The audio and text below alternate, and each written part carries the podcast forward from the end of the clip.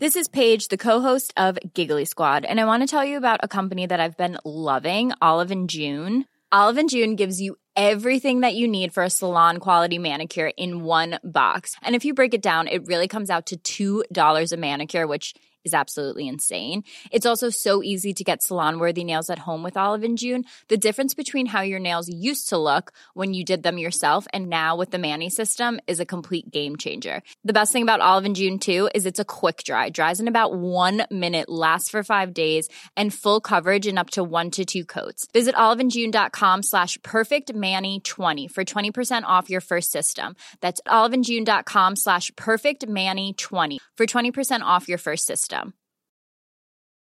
Flexibility is great. That's why there's yoga. Flexibility for your insurance coverage is great too. That's why there's United Healthcare Insurance Plans.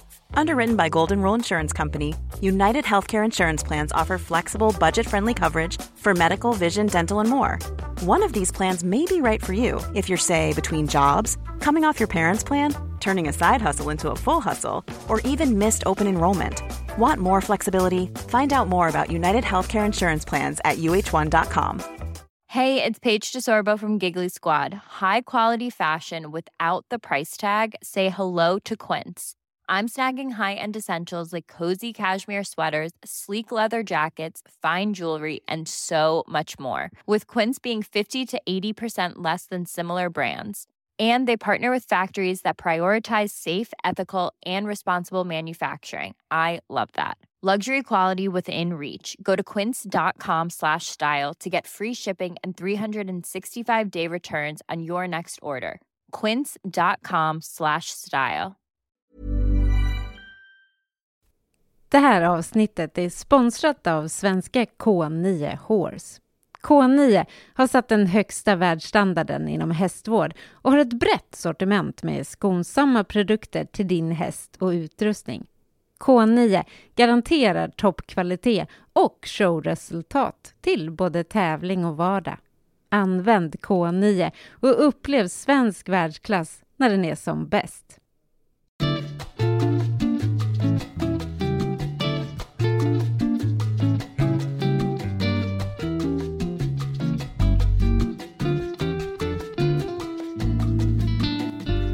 Välkommen till Ridsportpodden Sommarspecial. Idag är det Ulrika Foreus, bloggare med bloggen Ponnymamman och journalistisk vilde som hon kallar sig, som har ordet.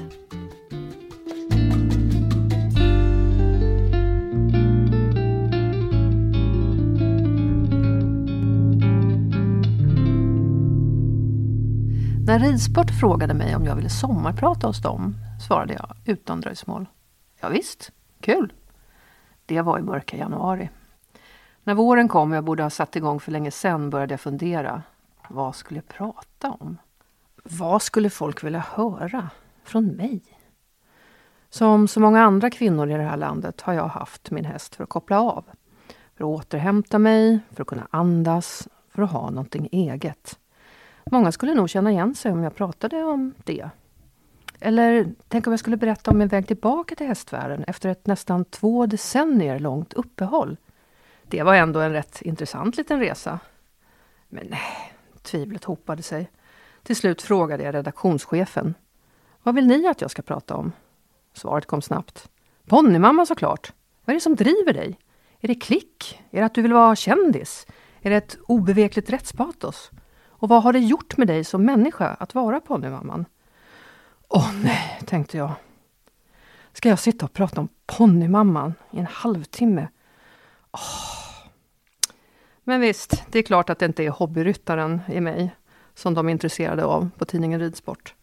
Utan tävlingsföräldern som 47 år gammal startade en blogg på skoj. En blogg som skulle komma och röra om en hel del i ridsporten. Okej, jag pratar väl om det då. Och då vill jag börja med att säga att det här bloggandet, det är faktiskt något som bara har hänt. Jag har inte haft någon plan. Det har aldrig funnits någon agenda, för att använda ett modernt uttryck. Jag hade aldrig någon avsikt att lyfta vissa frågor eller att kritisera Svenska Ridsportförbundet. Det bara blev så. Och jag har fortfarande ingen plan. Jag går inte omkring och tänker att nästa vecka ska jag skriva om det och det. Jag skriver om sånt som jag tänker på, sånt som ramlar på mig. Jag reagerar på något, skriver, lägger ut. That's it. I början blev jag chockad över hur starkt och brett jag nådde ut som bloggare. Hur kraftfullt jag nådde fram om jag jämförde med hur det var att skriva artiklar som journalist. Jag hade då varit journalist i över 20 år. Man ska inte jämföra sig med andra. Det säger jag alltid till min dotter. Men när Ridsport och Hipton i vintras båda två placerade mig i topp på sina respektive maktlistor såg jag ju vilka andra som var på den här listan. Och bredvid dem är jag verkligen ingen. Jag har inte miljoners miljarder och stora bolag. Jag har inte ridit OS. Jag har inte inflytelserika vänner eller någon fin position. Det enda jag har är mina ord. Jag heter Ulrika Foreus och jag gillar fälttävlan, konst och kultur, stark ost, gott vin och modiga människor.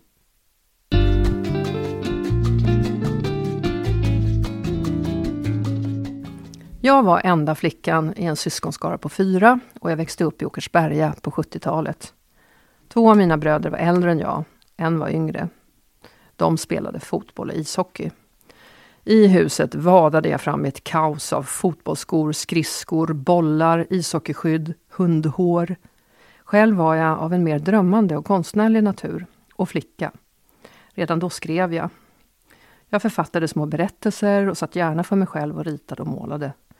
Jag var avundsjuk på min kompis som hade en syster. Det verkade så mysigt att låna kläder av varandra och ha någon att prata med. Själv tampades jag med alla de där brorsorna och de behandlade inte mig som en prinsessa. Ganska ofta blev det slagsmål, både verbalt och handgripligen. Det var liksom en strid om allt, hela tiden. Om telefonen som satt fast i väggen, om sista limpskivan, sista skvätten med mjölk, sista schampot, sista varmvattendropparna. Och eftersom varmvattnet inte räckte till alla luktade jag ibland häst i skolan. Vi hade en fullblodsvallack som mamma hade köpt till slaktpris från Skånsta ridskola, där vi båda red under en del år. Jag hade ingen ponnytid. Vi hade ett fullblod. Så mycket träning och tävling var det inte. Men det var också en barndom med hästar. Hur som helst, i denna tillvaro som hästtjej bland en massa fotbollsgrabbar blev jag tidigt medveten om att mitt kön satte mig i underläge. Eller kanske snarare att världen tydligen ansåg att jag skulle vara i underläge. Samtidigt var feminismen på frammarsch i samhället. Jag såg demonstrationer på tv och det pratades mycket om kvinnors rättigheter och jämställdhet. Jag var redan då en patologisk sanningssägare. Jag slog tillbaks och jag käftade emot. Men för att återgå till det här bloggandet. Om jag ville vara kändis och få många klick. Alltså, jag ska återkomma till det här med klicken längre fram. Men Ponnymamman startade jag på skoj sommaren 2013. Min då 12-åriga dotter Saga red fälttävlan på ponny. Jag var 47 år och att bli kändis fanns inte i min föreställningsvärld. Hade jag haft sådana drivkrafter hade jag nog gjort andra livsval långt tidigare.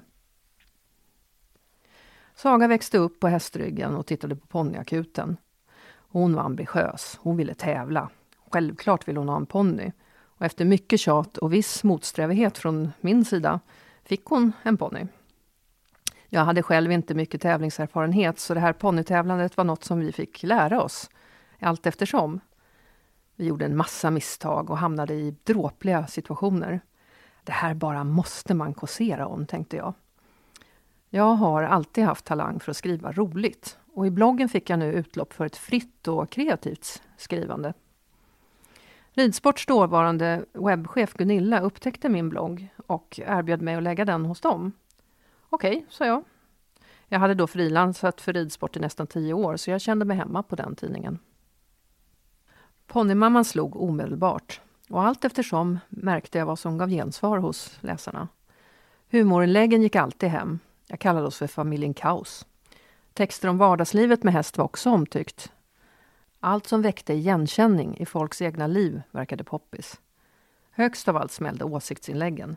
Åsikter hade jag många, så det var bara att spotta ut ur dem. Som sagt, det var ingen plan i något, utan allt kom lite random. Ibland blev det debatt.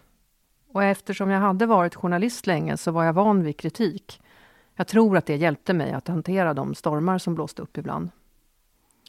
Men efter ett par år kände jag att jag ville ta ut svängarna lite mer än vad jag fick på ridsport.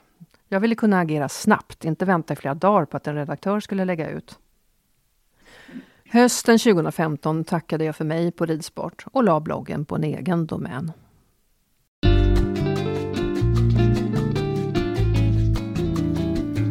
Min dotter Saga var en vild och driven tjej. Hennes första ponnys kapacitet matchade inte hennes ambitioner så vi började leta efter en ponny som kunde gå lite högre klasser. Vi hittade Bonneby på västkusten och köpte henne relativt billigt som hoppponny. Men hon verkade lite trött på banhoppning så för att variera lite för henne åkte vi ut på terrängträningar. Hon hade då, vad vi vet, aldrig sett ett terränghinder och var lite osäker först. Men Bonnie tyckte det var superkul med terräng och vips hade vi ramlat in på fälttävlan. Det var som att komma hem. Vi älskade grenen från första stund. Människorna, farten och fläkten. Saga hade redan tidigt höga mål. Själv var jag lite mammigt orolig för att hon skulle bli ledsen om hon inte nådde de där målen. Men tji fick jag. Det gick som tåget. Vår ponny visade sig vara ett riktigt terrängfenomen. Vi började utbilda henne i dressyr och så småningom plockades hon och Saga in i landslaget. Och nu hände saker. Fälttävlan på lägre nivå, det var bara jättekul hela tiden. Alla var glada och snälla och hjälpsamma. Hade man glömt något fick man låna. Men i steget från P90 till enstjärnigt, där hände något. Något var annorlunda när man kom ut på de tävlingarna. Det var liksom helt andra människor på den här högre nivån. Speciellt föräldrarna. Vi skulle snart bli varse att på landslagsnivå var det inte längre en lek. Det var blodigt allvar. En annan sak vi upptäckte var att på den här nivån hade många en helt annan ekonomi än vad vi hade. Jag och min man är frilansade kulturarbetare. Man vet inte alltid när man får pengar nästa gång. Och där stod vi nu med ett barn som hade dragit iväg till ett landslag. Och det förpliktigar. Ni ska hit, ni ska dit, den helgen ska till Skåne, sen åker ni till Polen och där ska ni EM-kvala. Alltså det var ju jättekul såklart. Om inte landslagsledaren Lena Bredberg hade styrt upp familjen Kaos hade det nog aldrig blivit något. Men fy satan, rent ut sagt, vad det började kosta. Vi slet för att få ihop till allt. Saga red sitt första SM 2013 iklädd min gamla gulnade tävlingsskjorta, min för stora kavaj, för små ridbyxor med hål i och spruckna ridstövlar som höll ihop med silvertejp. Saga var mäkta imponerad av de här andra familjernas större resurser och kunde på yngre tonåringars vis inte riktigt förstå varför inte vi också kunde ha en lyxig lastbil och ridhus och hästskötare. När hon väl började inse var det som att hennes självförtroende naggades i kanten. Hon trodde att de andra måste vara bättre för att deras ponnyer hade varit dyrare. Varför pratar barn om det egentligen? Vad deras ponnyer har kostat. I alla fall, jag försökte stärka henne att hon var med i landslaget var ju för att hon var duktig.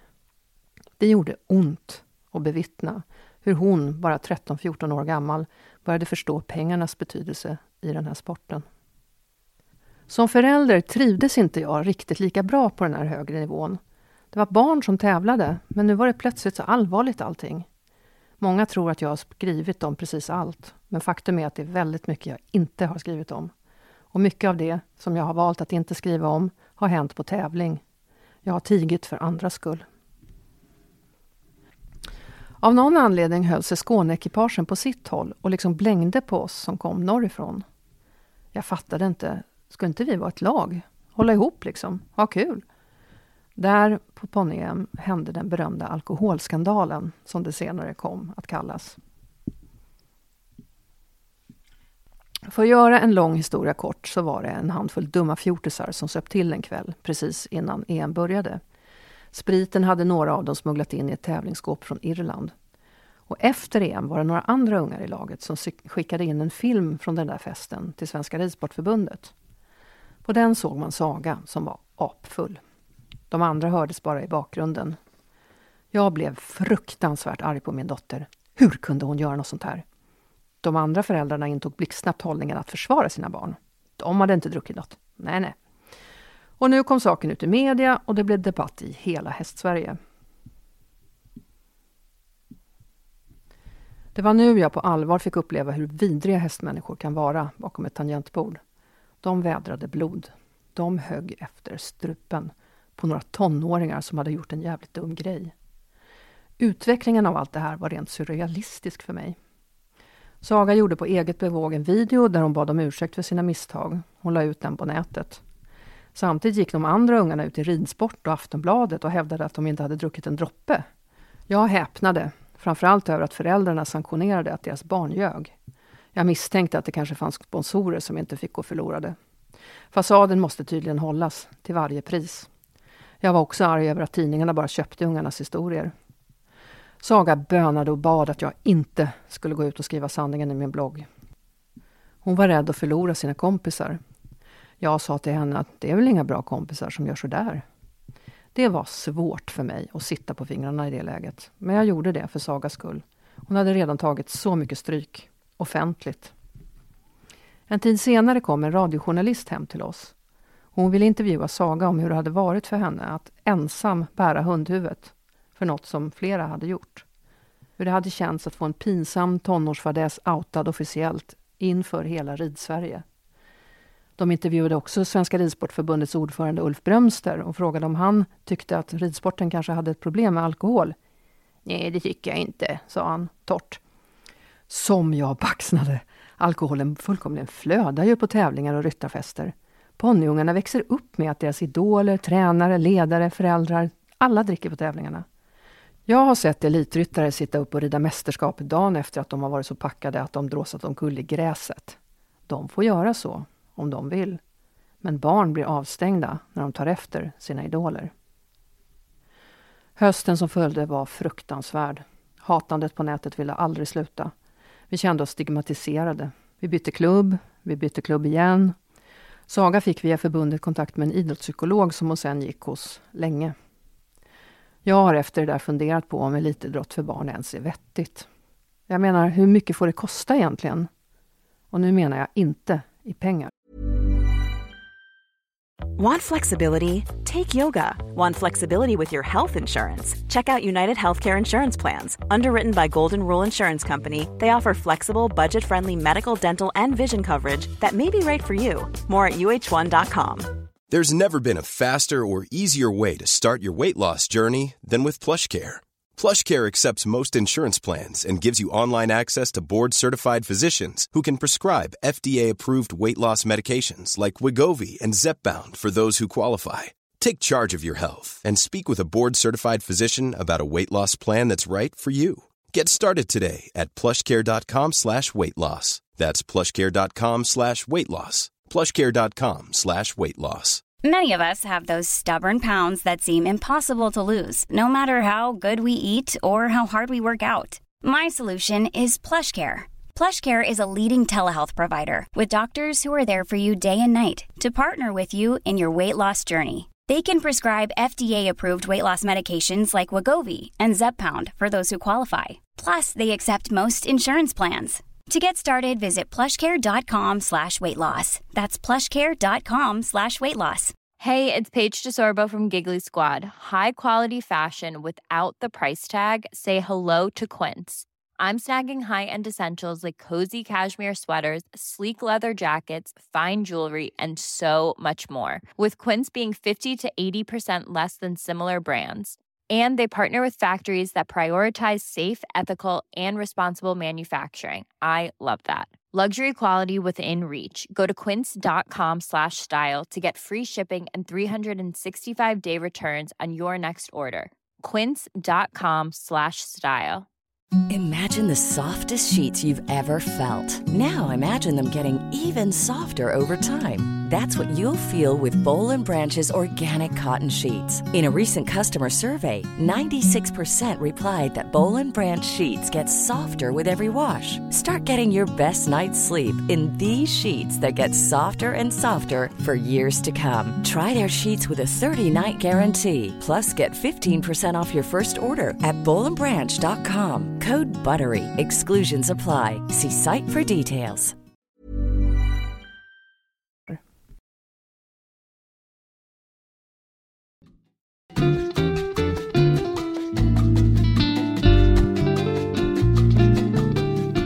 Jag har ibland fått frågan om det inte blir jobbigt någon gång att vara ponnymamman. Jo, men det är klart att det har varit jobbigt ibland. Alkoholskandalen var nog första gången som det blev riktigt tungt. Nästa gång var 2016. Då tittade jag närmare på de skenande priserna på djursjukvård. Det var tydligt att det hade att göra med framväxten av de riskkapitalistfinansierade kedjorna Evidensia och Annikura. De köpte upp allt i sin väg och priserna tokhöjdes. Jag påtalade samband som var uppenbara, ifrågasatte varför det måste vara så mycket dyrare i Sverige än i andra länder. Hela branschen gick bananas. Jag kom ju inte på veterinärerna och djursjukvårdspersonalen. Jag diskuterade en kraftig prisökning i deras bransch. Men det var som om de tog det personligt. Jag har en kompis som är veterinär. Han berättade hur jag fullkomligen hackades i bitar i stängda veterinärforum på nätet. Herregud, tänkte jag, det här är ju välutbildade människor. Varför beter de sig som en pöbel? Varför tål de inte diskussion om ett faktum, att priserna skenar? På Sagas EM på Irland 2017 upptäckte vi att en gammal strupvikningsoperation verkade ha släppt på våran häst. Vi skulle bli tvungna att åtgärda det så fort vi kom hem. Men jag fick svårt att hitta någon som ville göra operationen. Jag ringde runt, men det kändes som ingen ens ville prata med mig. Landslagsveterinären, hon skrädde inte orden. Du ska väl vara glad någon ens vill ta i din häst? Till sist fick jag det ändå gjort. Min gamla veterinär på Solvalla hjälpte mig att hitta en skicklig kirurg på Ultuna som inte verkade veta vem jag var. Som jag nämnde tidigare har jag inte skrivit om allt som har hänt de här åren. Långt ifrån. Jag har valt mina strider noggrant. De som har varit värst mot mig har jag bara tigit ihjäl. Sjunker folk väldigt lågt blir det liksom ovärdigt att bemöta dem. Det tar för mycket energi. Det går ändå inte att ändra på sådana människor. Så de skiter jag bara i. Mest stryk och mest stöd har jag fått för mitt engagemang mot sexuella övergrepp i ridsporten. Min första text på det temat var en gästkrönika i ridsport i april 2016. Det var ett och ett halvt år innan metoo. Jag började kika på fenomenet med vuxna män med någon form av position i sporten som tog för sig av väldigt unga, ofta minderåriga flickor. Ofta elever till dem själva. Det här är en ofräsch gammal kultur som i decennier bara har fått tillåtit att finnas. I november 2016 skrev jag ett uppmärksammat inlägg där jag intervjuade Anna Bolin som jag några år senare skulle komma och skriva en bok tillsammans med. Det inlägget handlade om Annas många år som sambo med en narcissistisk man som hon drev en ridskola med. En man som sysslat med övergrepp på minderåriga under lång tid.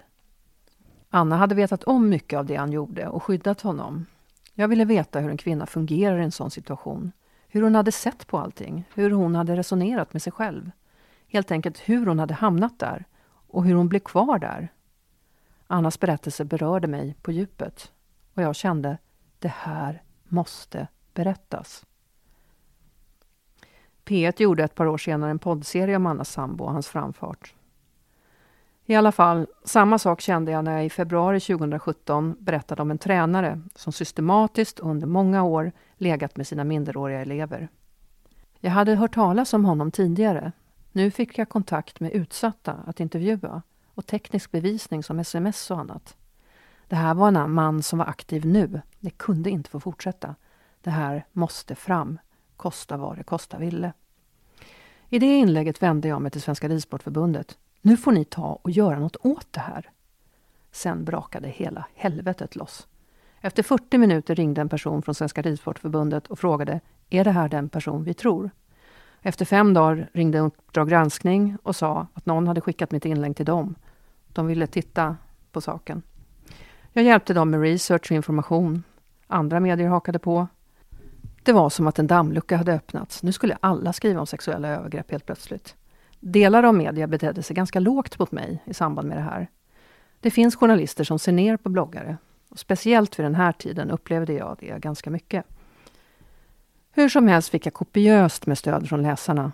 Otroligt många skrev, ringde, hörde av sig på alla möjliga sätt. Många ville berätta om egna upplevelser. En polis kom fram och kramade om mig på en tävling. Jag fick blommor, kort och brev. Stöd och uppskattning fullkomligen sköljde över mig. Samtidigt märkte jag att en del människor inom sporten, speciellt män, började bete sig lite annorlunda. När vi kom ut på tävlingar var det inte alla som hälsade längre. På våren åkte vi som vanligt till Skåne för årets första tävlingar. I fälttävlan är det så att spiken under terrängritten berättar om ekipaget i högtalarna. Vad de har gjort tidigare, meriter och så vidare. Så även under denna tävling. Bara det att när Saga red blev det alldeles tyst. Vi pratade om det på hemvägen. Han kanske bara var på toa, sa någon. Två veckor senare var det tävling igen med samma spiker. Och scenariot upprepade sig. Spiken pratade vant på med ekipagen.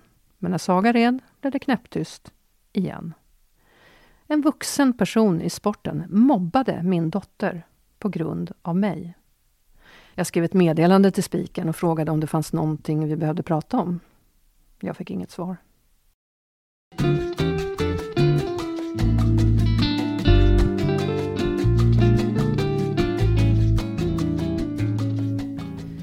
Sommaren 2017 var det många som gick hårt åt mig. Man gav sig på mig både öppet och via falska konton. Stödet från andra var en välkommen motvikt till allt det här hatet. 2016 hade vi hittat en mycket speciellt och väldigt bra häst åt Saga, nu eller aldrig. Och nu blev de uttagna att följa med till EM på Irland.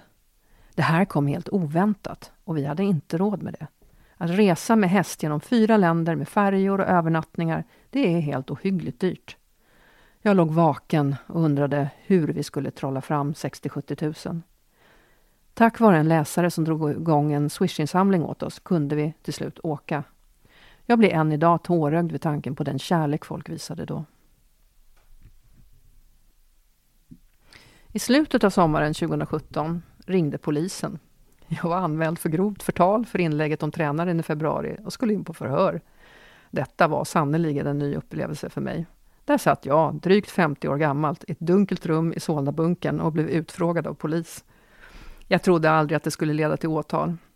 Och det gjorde det inte heller. Två veckor senare kom ett brev där det stod att förundersökningen var nedlagd.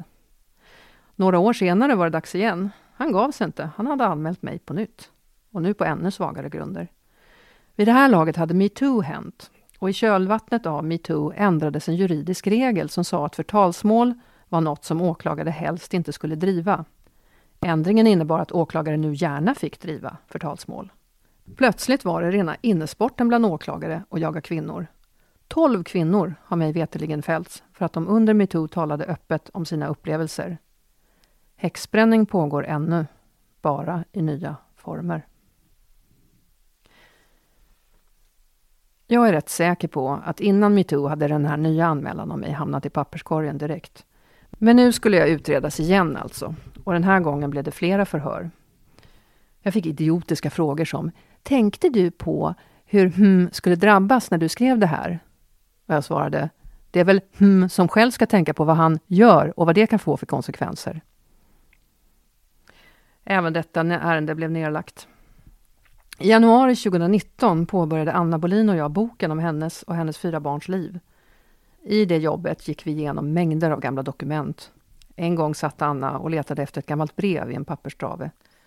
Vad har vi här då? En polisanmälan på dig? Hon stack åt med ett papper. Det var hennes ex-sambo som hade polisanmält mig.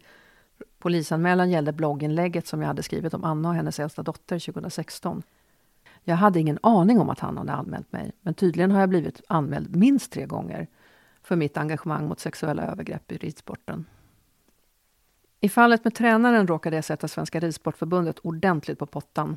De sitter på den pottan än faktiskt. Och det har lett till att jag fått många fiender inom den organisationen. En man på förbundet var så arg på mig för det här med tränaren att han skrev till mig om saken på Facebook. Han sa det inte, men jag hade råkat ge mig på hans kompis. Just den mannen råkade kort därpå bli handläggare av mitt fall när jag och min dotter blev avstängda. Vi hade fått ett dött föl ute på ett bete och var på tävling innan provsvaren kom. Den här avstängningen var naturligtvis en ganska påtaglig sak i vårt liv. Men ska jag gå närmare in på den skulle jag behöva minst ett sånt här program till. Men jag kan ju berätta att under avstängningen ifrågasatte jag allt. En människa i vår geografiska närhet drog igång en hatkampanj på Facebook och uppmanade folk att anmäla oss. Någon annan gjorde sig besväret att skriva till ordföranden i vår klubb. En tredje bemödade sig att ringa upp den som låg närmast efter Saga i resultatlistan för SM och uppmanade henne att anmäla Saga, för om Saga blev fråntagen sin medalj så skulle hon få den. En fjärde råkade skicka ett sms-fel som nådde oss. I det smset fanns en liten konspiration om att skicka Länsstyrelsen på oss. Exakt vad Länsstyrelsen skulle hitta här har jag aldrig förstått. Men så där höll vissa på. Och det de hade gemensamt var att det här var människor jag tidigare hade haft en liten beef med på ett eller annat sätt. Nu löpte vi gatlopp igen, Saga och jag. Och folk betedde sig lägre än lägst. Jag tappade faktiskt tron på människorna här. Jag skärmade av mig, speciellt från hästfolk. Frågade mig om jag ens ville hålla på med hästar. Ville vi fortsätta att plöja ner varenda krona vi släde ihop till i denna sport? Hästvärlden kändes just då bara sjuk. Tränaren som jag nämnt innan, honom träffade jag på en rättegång hösten 2020. Jag var inkallad för att vittna mot honom. I en paus kom han upp till mig, la huvudet på sned, log och sa Ni fick ett alldeles för hårt straff för det där. Ni blev helt fel dömda. Han syftade på avstängningen. Det var förstås någon sorts psykning. Men visst, vi är de enda som någonsin har blivit straffade för just det. Året därpå gjorde någon annan samma sak. Fick inget straff alls.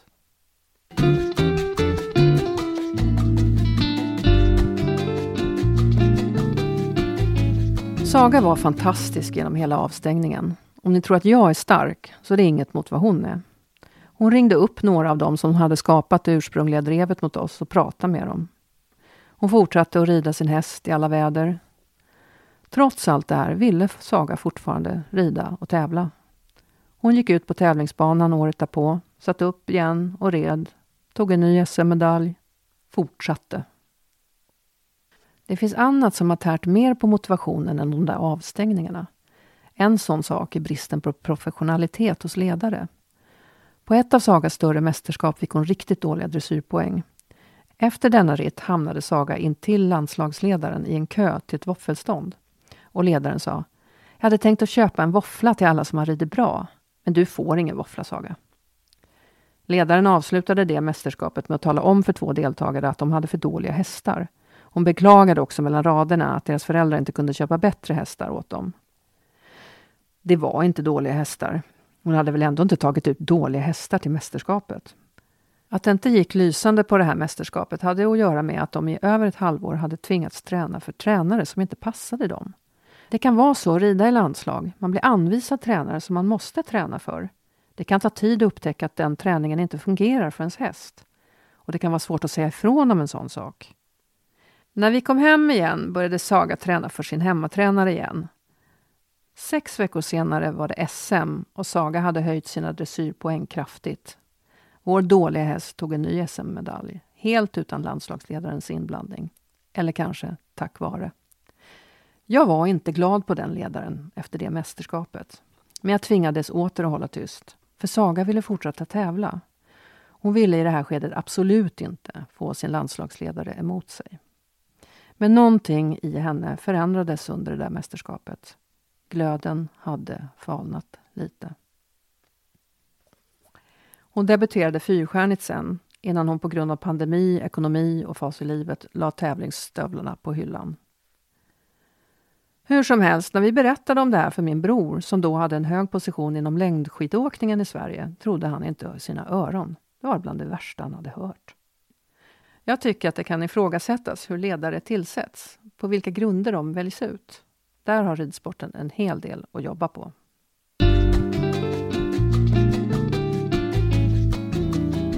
Jag får ibland frågan vad som driver mig. Hur ska jag kunna svara på det? Det är inte pengar i alla fall, för jag tjänar inga pengar på bloggen, på alla de här klicken. Jag ska förklara en sak om klick. Klick i sig ger inte pengar. Det är kul att få många klick, men de mäter bara spridningen. För att tjäna något på klicken måste man sälja in annonser på dem. Och det är någonting jag inte kan. Jag är ingen säljare och jag har inte hittat någon som kan hjälpa mig med den där saken heller. Samtidigt är det skönt att inte vara betald, för det ger total frihet. Frihet att skriva vad man vill, när man vill, hur man vill. Men också frihet att strunta i att skriva på ett tag. Man behöver pausa ibland. Ingen kan oavbrutet bara spotta ur sig. Nytt, nytt, nytt. Någon sa att jag har ett starkt rättspatos. Jag vet inte om det stämmer. Men jag reagerar starkt på maktmissbruk. Och maktmissbruk är något jag har sett mycket av i ridsporten. Som ponnymamman har jag fått möta det bästa och det värsta hos hästfolket. Jag har lärt mig mycket om människor, om reaktionsmönster och drivkrafter. Jag vet att när någon går igång på något som jag har skrivit är det alltid något inom dem själva det handlar om.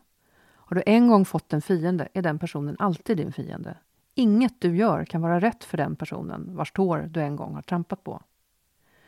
Jag har lärt känna fantastiska människor tack vare bloggen. Några har blivit nära vänner. Och jag är glad att kunna använda bloggen till något positivt, som exempelvis att sprida kunskaper om hästar till cykelsporten, eller som att i våras stödja några tappra människor som fysiskt och på plats hjälpte till att rädda hästar i krigets Ukraina. Men jag har också tvingats till att bli lite mer försiktig med nya människor. Kommer fjäsk, kommer kniv i ryggen. Det har jag fått klart för mig. Många tar kontakt med mig och vill att jag ska skriva saker. Ofta handlar det om att någon är på kant med någon och vill att jag ska ta parti. Men jag driver inte vendettor åt andra. Det är inte det jag håller på med. Inte heller kan jag göra insamlingar åt varenda behjärtansvärd sak som finns. Då och då har jag tänkt att eh, nu lägger jag ner den här bloggen. Jag kan tänka att nu har den haft sin tid. Men så skriver en tonåring till mig och berättar att hon har blivit utsatt för övergrepp av en manlig ryttare. Jag har hört liknande om just honom från någon annan några år tidigare och jag tvivlar inte på henne. Flickan undrar vad hon kan göra. Och jag säger att du ska skriva till förbundets medlemsombudsman så att förbundet får veta. Och sen ska det gå till polisen och göra en anmälan. När folk kommer till mig så här, då känner jag att jag kanske ska ha kvar bloggen ändå. Om den har varit till så pass mycket nytta att den här tjejen skrev till mig. Om den har bidragit till att tjejer är mer medvetna nu och vågat sätta tydligare gränser. Då har den gjort lite nytta. Då kan den få finnas ett tag till.